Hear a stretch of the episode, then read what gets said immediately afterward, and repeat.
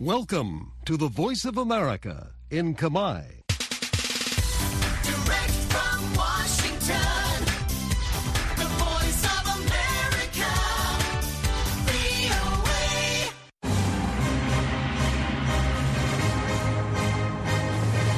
សួស្តីប្រិយមិត្តអ្នកស្ដាប់ជាទីមេត្រី នៅក្នុងកម្មវិធីផ្សាយតាមវិទ្យុរបស់ VOA នៅព្រឹកថ្ងៃសុក្រទី9ខែកុម្ភៈឆ្នាំ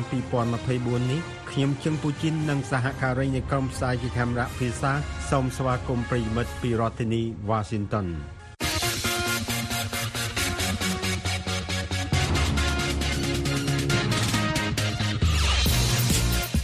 នៅក្នុងការផ្សាយរបស់ VOA នៅវេលាព្រឹកនេះយើងខ្ញុំមានសេចក្តីរាយការណ៍អំពីករណីប្តឹងមន្ត្រីអាត6អ្នកជំនាញថាត្រូវការផុសតាងជាបទសម្ភាសន៍ទាំងស្រុងដើម្បីដោះបន្ទុកមានការវាយប្រហារបន្ថែមប្រឆាំងនឹងកងកម្លាំងសហរដ្ឋអាមេរិកក្រោយពីការវាយប្រហារតាមអាកាសរបស់អាមេរិកកម្មវិធីអនុគ្រោះទឹកអាកាសរបស់ដែនដី Northern Mariana Islands របស់អាមេរិកសម្រាប់អ្នកទេសចរចិននឹងត្រូវពិនិត្យវិจัยតុលាការសួរនាំលោកកឹមសុខាអំពីការប្រព្រឹត្តទៅរបស់មជ្ឈមណ្ឌលសិទ្ធិមនុស្សកម្ពុជា និងវោហារស័ព្ទមួយចំនួន ហើយនឹងសេចក្តីរាយការណ៍អំពីទីភ្នាក់ងារជួយសង្គ្រោះអង្គការសហប្រជាជាតិថាខ្លួនប្រហែលត្រូវបញ្ចប់ប្រតិបត្តិការនៅតំបន់ហ្គាហ្សា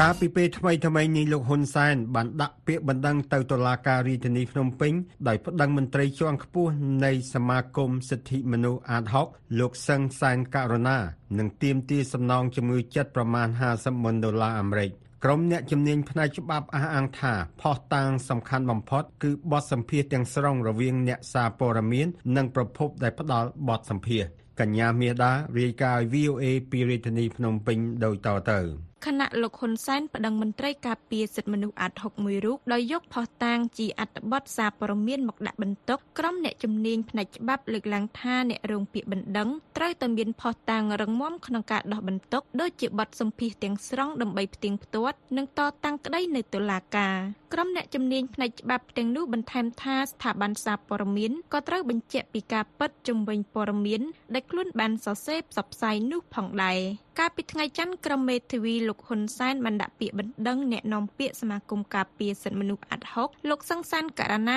ទៅតុលាការពាក់ព័ន្ធជាមួយនឹងអត្ថបទដែលចេញផ្សាយដោយសារព័ត៌មាន The Cambodia Daily កាលពីថ្ងៃទី2ខែកុម្ភៈដោយដកស្រង់សម្ដីរបស់លោកសង្សានករណាក្នុងអត្ថបទសារព័ត៌មាន The Cambodia Daily ដែលមានចំណងជើងថា លោកសុនឆៃក្រុងលក់ផ្ទះចុងក្រោយរបស់លោកជាង1លានដុល្លារដើម្បីសងជំងឺចិត្តគណៈបកកាន់អំណាចលោកសង្សានករណាត្រូវបានដកស្រង់សម្ដីមកសរសេរថាវិវាទរបស់អ្នកនយោបាយគួរបញ្ចប់ដោយនយោបាយមិនគួរប្រើប្រាស់តុលាការមកដោះស្រាយទេគណៈបកកណ្ដាលអំណាចតែងតែយកតុលាការមកធ្វើជារបាំង ក្នុងការគៀបសង្កត់ដៃគូនយោបាយប្រឆាំងរបស់ខ្លួនគណៈបកនយោបាយទាំងអស់គួរតែប្រើប្រាស់វិធីចាស់ទុំដើម្បីធ្វើការប្រកួតប្រជែងគ្នា គួរបញ្ឈប់វប្បធម៌គំរាមកំហែងដៃគូនយោបាយរបស់ខ្លួនដើម្បីទុកជាគំរូសម្រាប់អ្នកនយោបាយចំនួនក្រោយក្រុមមេធាវីតំណាងគណៈបកប្រជាជនកម្ពុជាបានបញ្ជាក់នៅក្នុងពាក្យបណ្ដឹងទៅតុលាការថា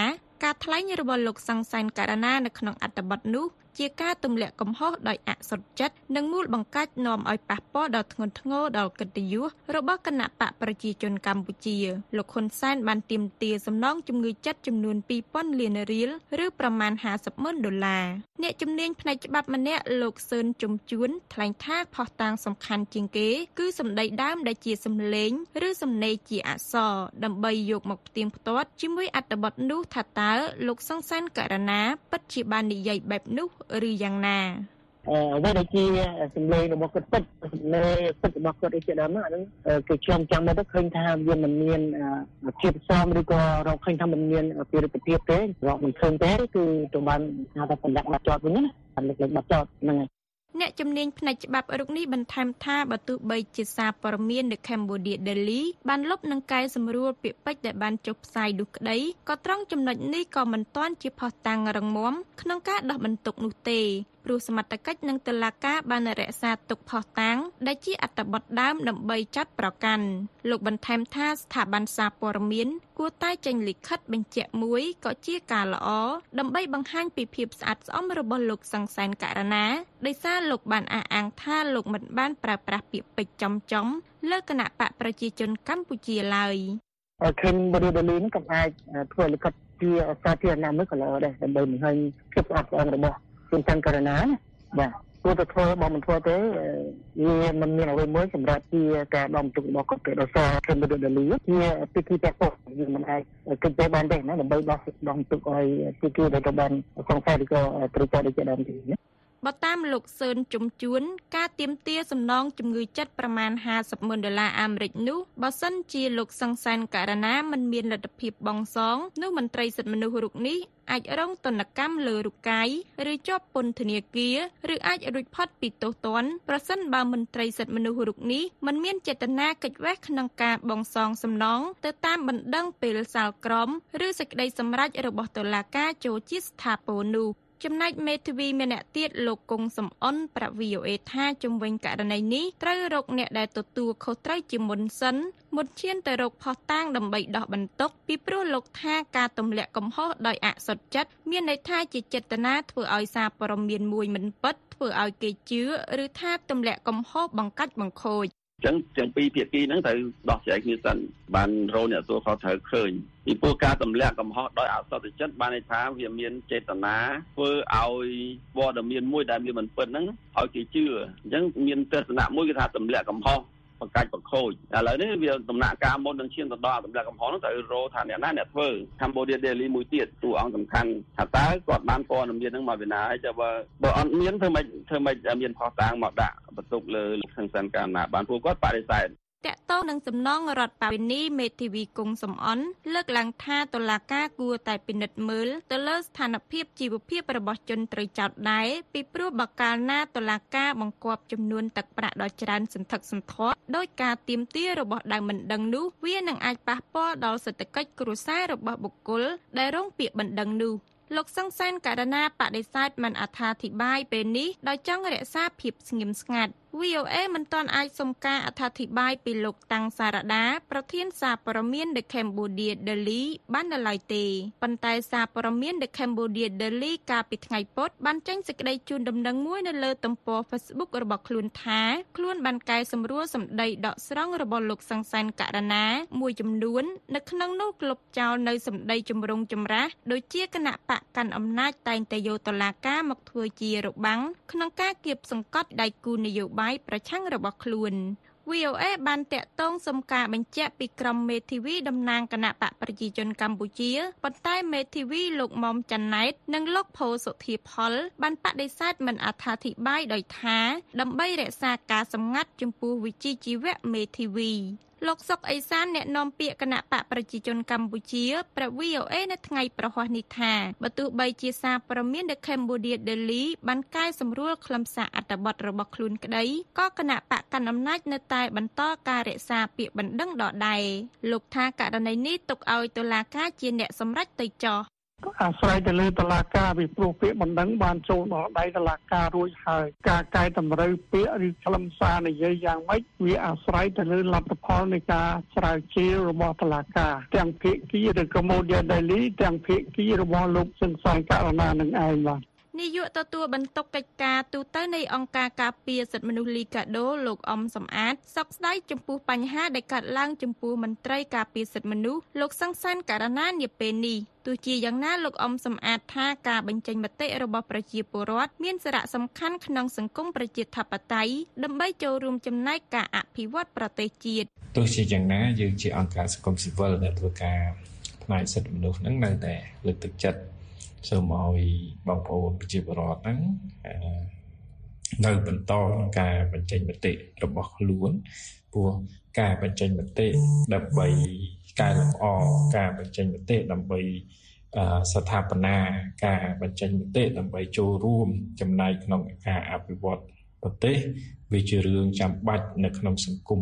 ប្រជាធិបតេយ្យគួរបញ្ជាក់ថាក្រោយការប្រមានរបស់លោកហ៊ុនសែនក្នុងការប្តឹងផ្តល់អ្នកនាំពាក្យសមាគមការពារសិទ្ធិមនុស្សអាត6លោកសង្សានករណាបានបង្ហោះសារលើគណនី Facebook របស់លោកកាលពីថ្ងៃទី5ខែកុម្ភៈថាបេសកកម្មសកម្មភាពនិងការផ្តល់បទសម្ភាសន៍របស់ខ្ញុំក្នុងបំណងពង្រឹងការគោរពសិទ្ធិមនុស្សច្បាប់យុត្តិធម៌សង្គមនិងប្រជាធិបតេយ្យដោយមិនបំរើគណៈបកណាមួយនោះទេ ហើយក៏គ្មានចេតនាណាមួយវិប្រហាបកនយោបាយណាមួយឡើយរាល់ការសម្រងសម្ដីរបស់ខ្ញុំទៅបន្ថែមបន្ថយបញ្ចេញបញ្ចូលវិប្រហាចំចំលើឈ្មោះគណៈបកនយោបាយណាមួយនោះវាមិនមែនជាចេតនានិងគោលបំណងរបស់ខ្ញុំនោះទេដូច្នេះខ្ញុំមិនទទួលស្គាល់ឡើយ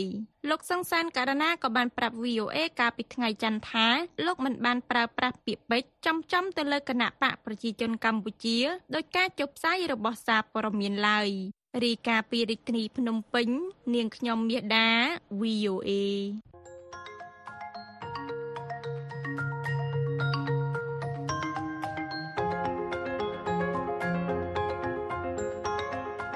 សូមស្វាគមន៍មកកាន់កម្មវិធី podcast កម្ពុជាសម្លឹងទៅមុខរដូវកាលទី2ប្រិមិត្តជាទីមេត្រី កាលពីរដូវកាលទី1អស់លោកអ្នកនាងបានស្ដាប់កម្មវិធី podcast កម្ពុជាសម្លឹងទៅមុខដល់ទៅ16ភាគដែលក្រុមអ្នកស្រាវជ្រាវកម្ពុជាឆ្នើមនិងវ័យក្មេងជាច្រើនអ្នកបានពិភាក្សានិងបកស្រាយអំពីទស្សនវិស័យនិងសក្តានុពលដែលជំរុញឲ្យមានការផ្លាស់ប្តូរវិជ្ជមានលើវិស័យនានាក្នុងប្រទេសកម្ពុជារាប់ទាំងវិស័យអប់រំសេដ្ឋកិច្ចសុខាភិបាលការទូតបរិស្ថាននិងអភិបាលកិច្ចជាដើមរដូវកាលទី2របស់យើងនឹងបដោតលើប្រធានបទធំមួយដែលយើងហៅថាវប្បធម៌ Digital ឬជាភាសាអង់គ្លេស Digital Culture និយាយទៅវាសំដៅលើឱកាសនិងកត្តាប្រឈមនៃការប្រើប្រាស់បច្ចេកវិទ្យានានាដើម្បីដោះស្រាយបញ្ហាប្រឈមក្នុងសង្គមនិងជំរុញឲ្យមានការផ្លាស់ប្តូរវិជ្ជមានជាបន្តបន្ទាប់ហើយជាពិសេសបង្កើនលទ្ធភាពឲ្យកម្ពុជាសម្រេចបាននូវគោលដៅអភិវឌ្ឍរបស់ខ្លួនក្នុងគ្រប់វិស័យដោយរដូវកាលទី1ដែរលោកអ្នកនាងអាចស្ដាប់ podcast កម្ពុជាសម្លឹងទៅមុខវប្បធម៌ Digital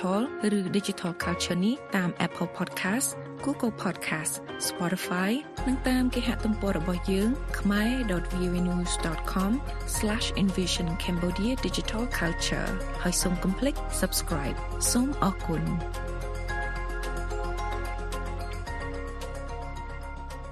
ពួកសកម្មប្រយុទ្ធគាំទ្រដោយអ៊ីរ៉ង់នៅមជ្ឈមបូព៌ាមិនត្រូវបានវាយរាំងដោយការវាយប្រហាររបស់សហរដ្ឋអាមេរិកនៅក្នុងប្រទេសអ៊ីរ៉ាក់ស៊ីរីនិងយេម៉ែនកាលពីចុងសប្តាហ៍កន្លងទៅទេដោយបានបើកការវាយប្រហារ3លើកនៅក្នុងប្រទេសស៊ីរីនិងបណ្ដាលឲ្យសហរដ្ឋអាមេរិកវាយប្រហារការពារខ្លួនយ៉ាងហោចណាស់2លើកនៅក្នុងប្រទេសយេម៉ែនអ្នកស្រី Khalabab អ្នកឆ្លើយឆ្លងព័ត៌មាន VOA ប្រចាំមន្ទីរបច្ចុប្បន្នរាយការណ៍ពីរឿងនេះហើយលោកម៉ែនកំសែងជួនសេចក្តីប្រាយសម្រួលដូចតទៅ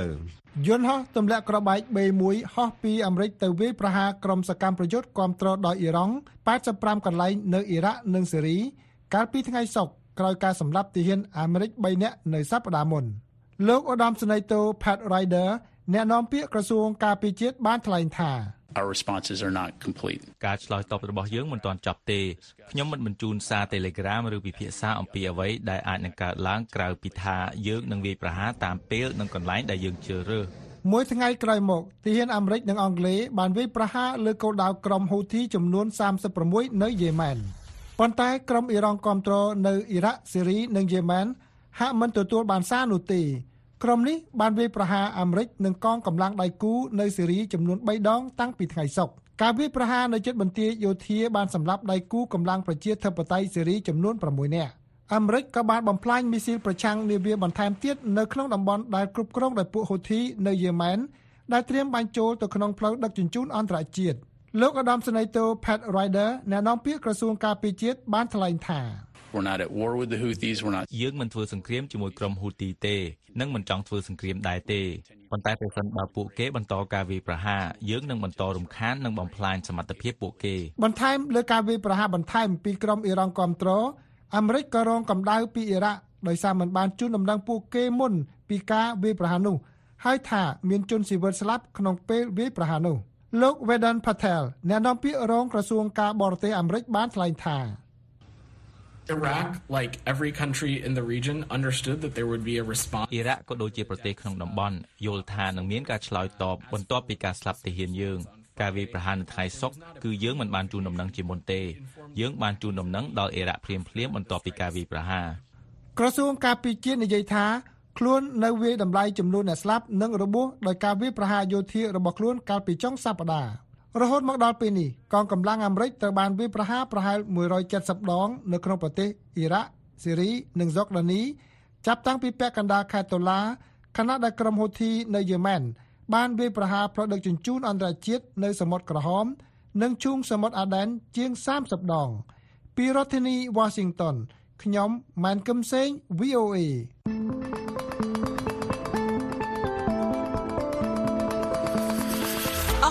កអ្នកនាងកំពុងតែស្ដាប់កម្មវិធីផ្សាយរបស់ VOA ពីរដ្ឋធានី Washington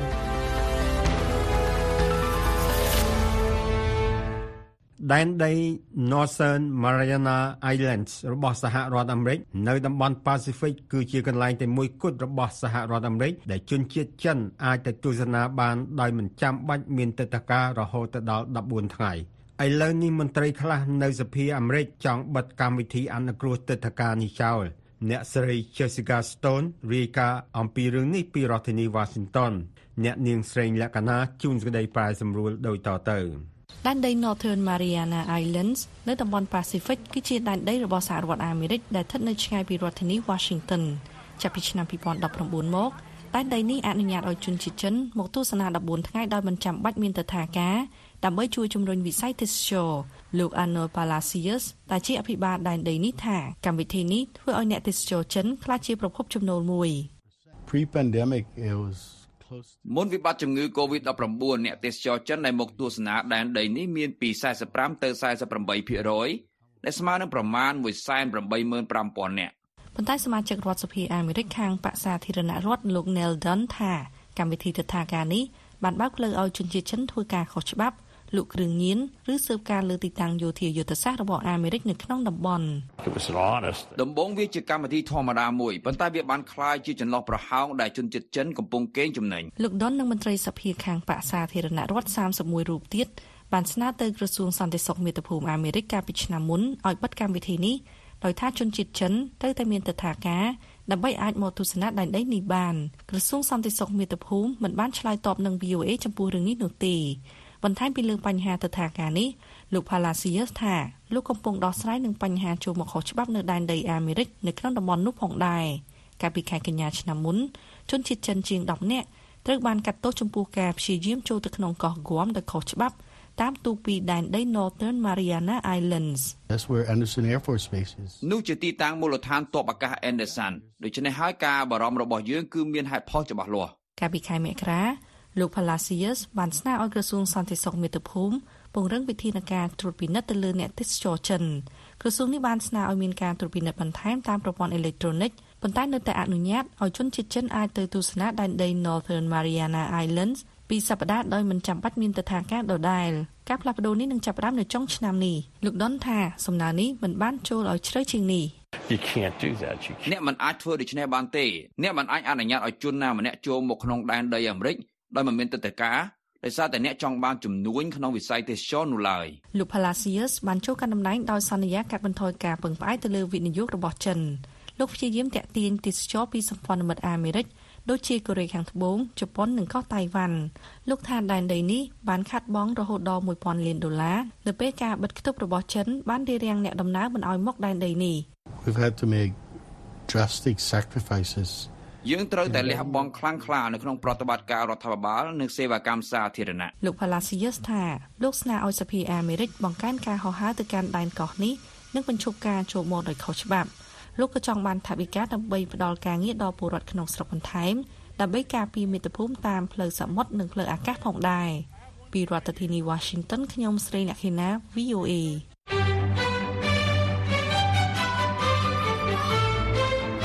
ប្រិយមិត្តជាទីមេត្រីឥឡូវនេះកម្មវិធី Hello VOA ស្ដីពីសុខភាពដែលតែងតែចាក់ផ្សាយនៅរៀងរាល់ថ្ងៃប្រហ័សសប្តាហ៍ទី3នៃខែនីមួយៗក៏មានជាវីដេអូផងដែរលោកអ្នកនាងអាចទស្សនាកម្មវិធី Hello VOA ស្ដីពីសុខភាពនេះបានដោយចូលទៅកាន់គេហទំព័ររបស់យើងខ្ញុំ ដែលមានអាសយដ្ឋាន khmae.voanews.com រួចចុចលើពាក្យកម្មវិធី Hello VOA នោះលោកអ្នកនឹងចូលទៅដល់ទំព័រមួយទៀតដែលមានកម្មវិធី Hello VOA សុខភាពហើយលោកអ្នកនាងអាចទស្សនាវីដេអូមួយណាក៏បាន។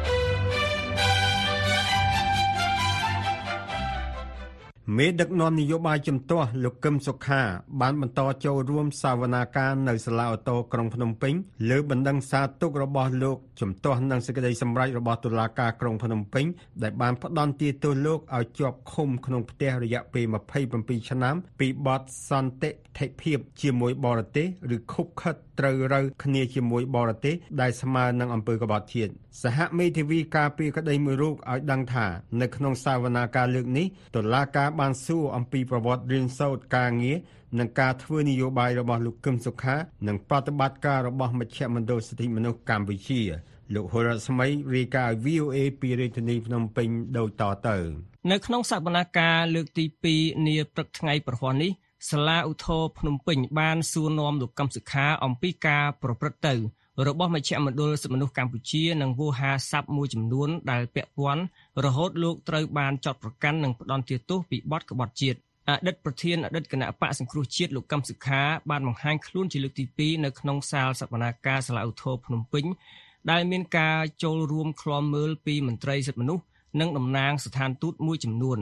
ក្រោយសវនាការរយៈពេលជាង3ម៉ោងសហមេធាវីការពារក្តីឲ្យលោកកឹមសុខាគឺលោកអាងឧត្តមប្រាប់អ្នកកសែតថានៅក្នុងសវនាការតុលាការសាលាឧទ្ធរបានសួរដេញដោលលោកកឹមសុខាអំពីប្រវត្តិអប់រំការងារនិងការធ្វើនយោបាយរបស់លោកក៏ដូចជាការប្រព្រឹត្តទៅនៃមជ្ឈមណ្ឌលសិទ្ធិមនុស្សកម្ពុជា ដែលត្រូវបានបង្កើតឡើងតាំងពីមិនទាន់មានក្រមព្រហ្មទណ្ឌ លោកបន្ថែមថាលោកកឹមសុខាក៏បានបញ្យលអង្គសវនាការថាកិច្ចការអប់រំសិទ្ធិមនុស្សដែលលោកបានធ្វើគឺដើម្បីលើកស្ទួយការគោរពសិទ្ធិមនុស្សនិងប្រជាធិបតេយ្យគាត់និយាយសំខាន់ខាន់ដែរពីរឿងឯពាក្យសម្ដីដែលគាត់គេលើកយកមកកោះកាយរឿងសារដែលគាត់យកទៅអប់រំពេលចុះអប់រំនៅនៅបញ្ហាសិទ្ធិមនុស្សវិជាតបតីគាត់សង្កត់លើហ្នឹងអ្វីដែលគាត់ធ្វើ សកម្មភាពទាំងឡាយពាក្យសម្ដីទាំងឡាយគឺសង្កត់ធ្ងន់ទៅលើការពង្រឹងលើកស្ទួយលទ្ធិប្រជាធិបតេយ្យហ្នឹងទេហើយនឹងការគ្រប់សិទ្ធិមនុស្ស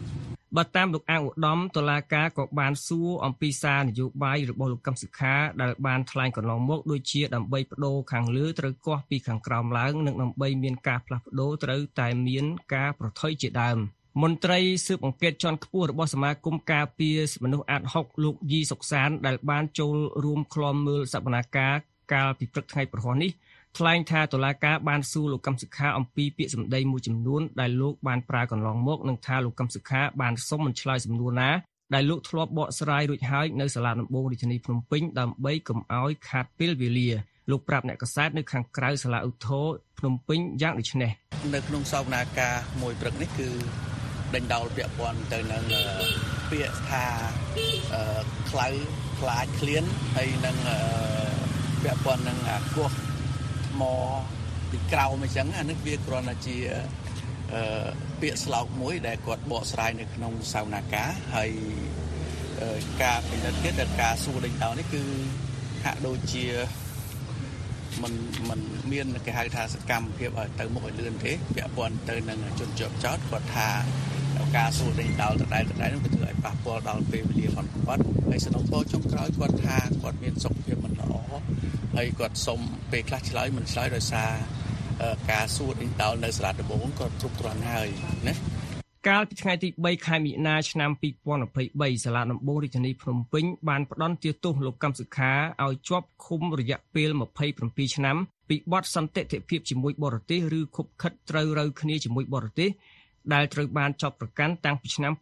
2017តុលាការបានដាក់បំរាមមិនឲ្យលោកកឹមសុខាធ្វើនយោបាយមិនឲ្យចេញពីផ្ទះនិងមិនអនុញ្ញាតឲ្យជួបជនបរទេសលើកលែងតែមានការអនុញ្ញាតពីតុលាការអតីតនាយករដ្ឋមន្ត្រីលហ៊ុនសែនធ្លាប់បានប្រតិកម្មទៅនឹងតំណាងទូតបរទេសនៅកម្ពុជាថាបានលូកដៃចូលកិច្ចការផ្ទៃក្នុងរបស់កម្ពុជាក្នុងនោះមានករណីលោកកឹមសុខាកាលពីខែឧសភាឆ្នាំ2023លោកលើកឡើងថាតំណាងទូតបរទេសមួយចំនួន បានទៅសួរសុខទុក្ខលោកកឹមសុខាក្នុងពេលដែលតុលាការកំពុងស៊ើបអង្កេតរឿងខុបខិតជាមួយបរទេសអ្នកនាំពាក្យសាលាឧទ្ធរភ្នំពេញលោកខុនលៀងម៉េងប្រាប់ VOA ថាសវនាការលោកកឹមសុខានឹងប្រព្រឹត្តទៅតាមការគ្រោងទុកចំនួន9លើកដោយមិនមានការប្រែប្រួលឡើយអ្នកនាំពាក្យរូបនោះមិនឆ្លើយសំណួរជំវិញការមិនអនុញ្ញាតឲ្យអ្នកកសែតបានចូលស្ដាប់សវនាការរបស់លោកកឹមសុខា ទោះយ៉ាងណាបន្ទាប់ពីសវនាការនៅព្រឹកថ្ងៃប្រហោះនេះលោកកឹមសុខានឹងវិលត្រឡប់មកកាន់សាលាឧទ្ធរភ្នំពេញជាថ្មីទៀតនាថ្ងៃទី22ខែកុម្ភៈខាងមុខនេះដើម្បីបន្តសវនាការលើកទី3របស់លោករាយការណ៍ពីរាជធានីភ្នំពេញខ្ញុំហុលរស្មី VOA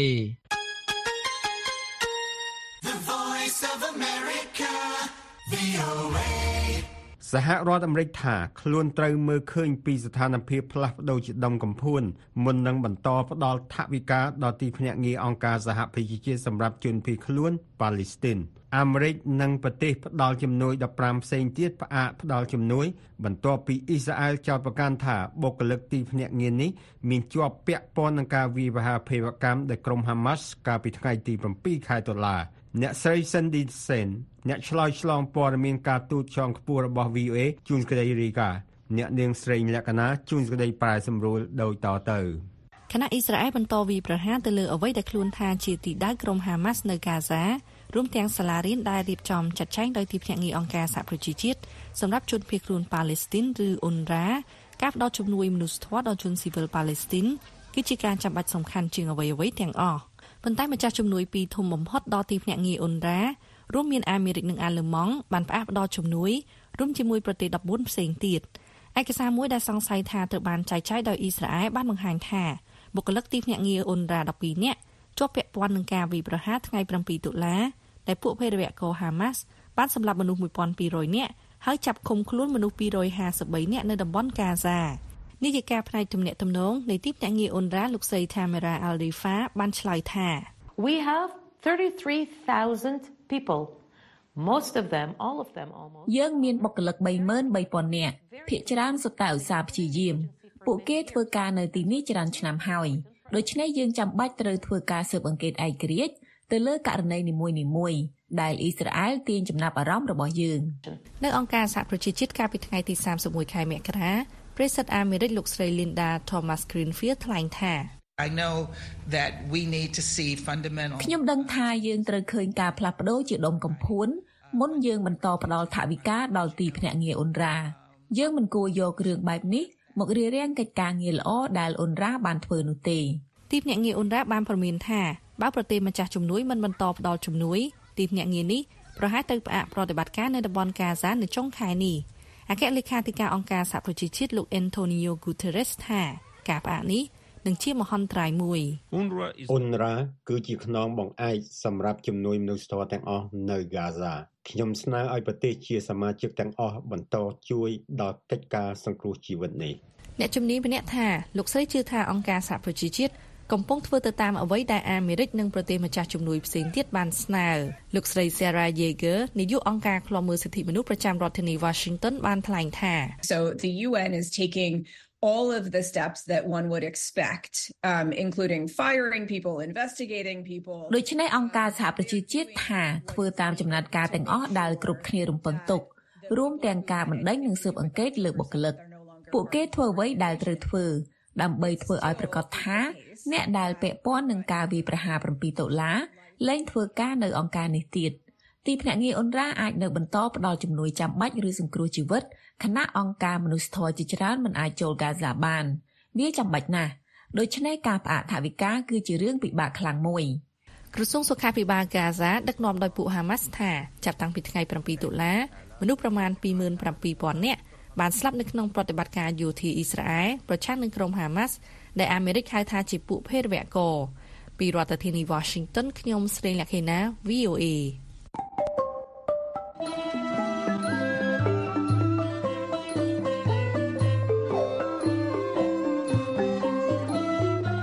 កម្មវិធីផ្សាយរបស់ VOA នៅព្រឹកនេះចប់តែត្រឹមនេះសូមអរលោកអ្នករងចាំស្ដាប់ សេចក្តីរាយការណ៍ព័ត៌មានជាតិនិងអន្តរជាតិរបស់ VOA នៅក្នុងការផ្សាយបន្តផ្ទាល់របស់យើងខ្ញុំនៅរាត្រីនេះទៀតពីម៉ោង8:30នាទីដល់ម៉ោង9:30នាទីតាមរលកវិទ្យុ 25m ត្រូវនឹងកម្រិត11695និង1575 kHz ឬតាមប្រព័ន្ធអ៊ីនធឺណិតដែលមានអាសយដ្ឋានខ្មែរ .voenews.com សូមអរលោកអ្នកបានប្រកបដោយសេចក្តីសុខនិងសុភមង្គលគ្រប់ប្រការ អារុនសួស្តី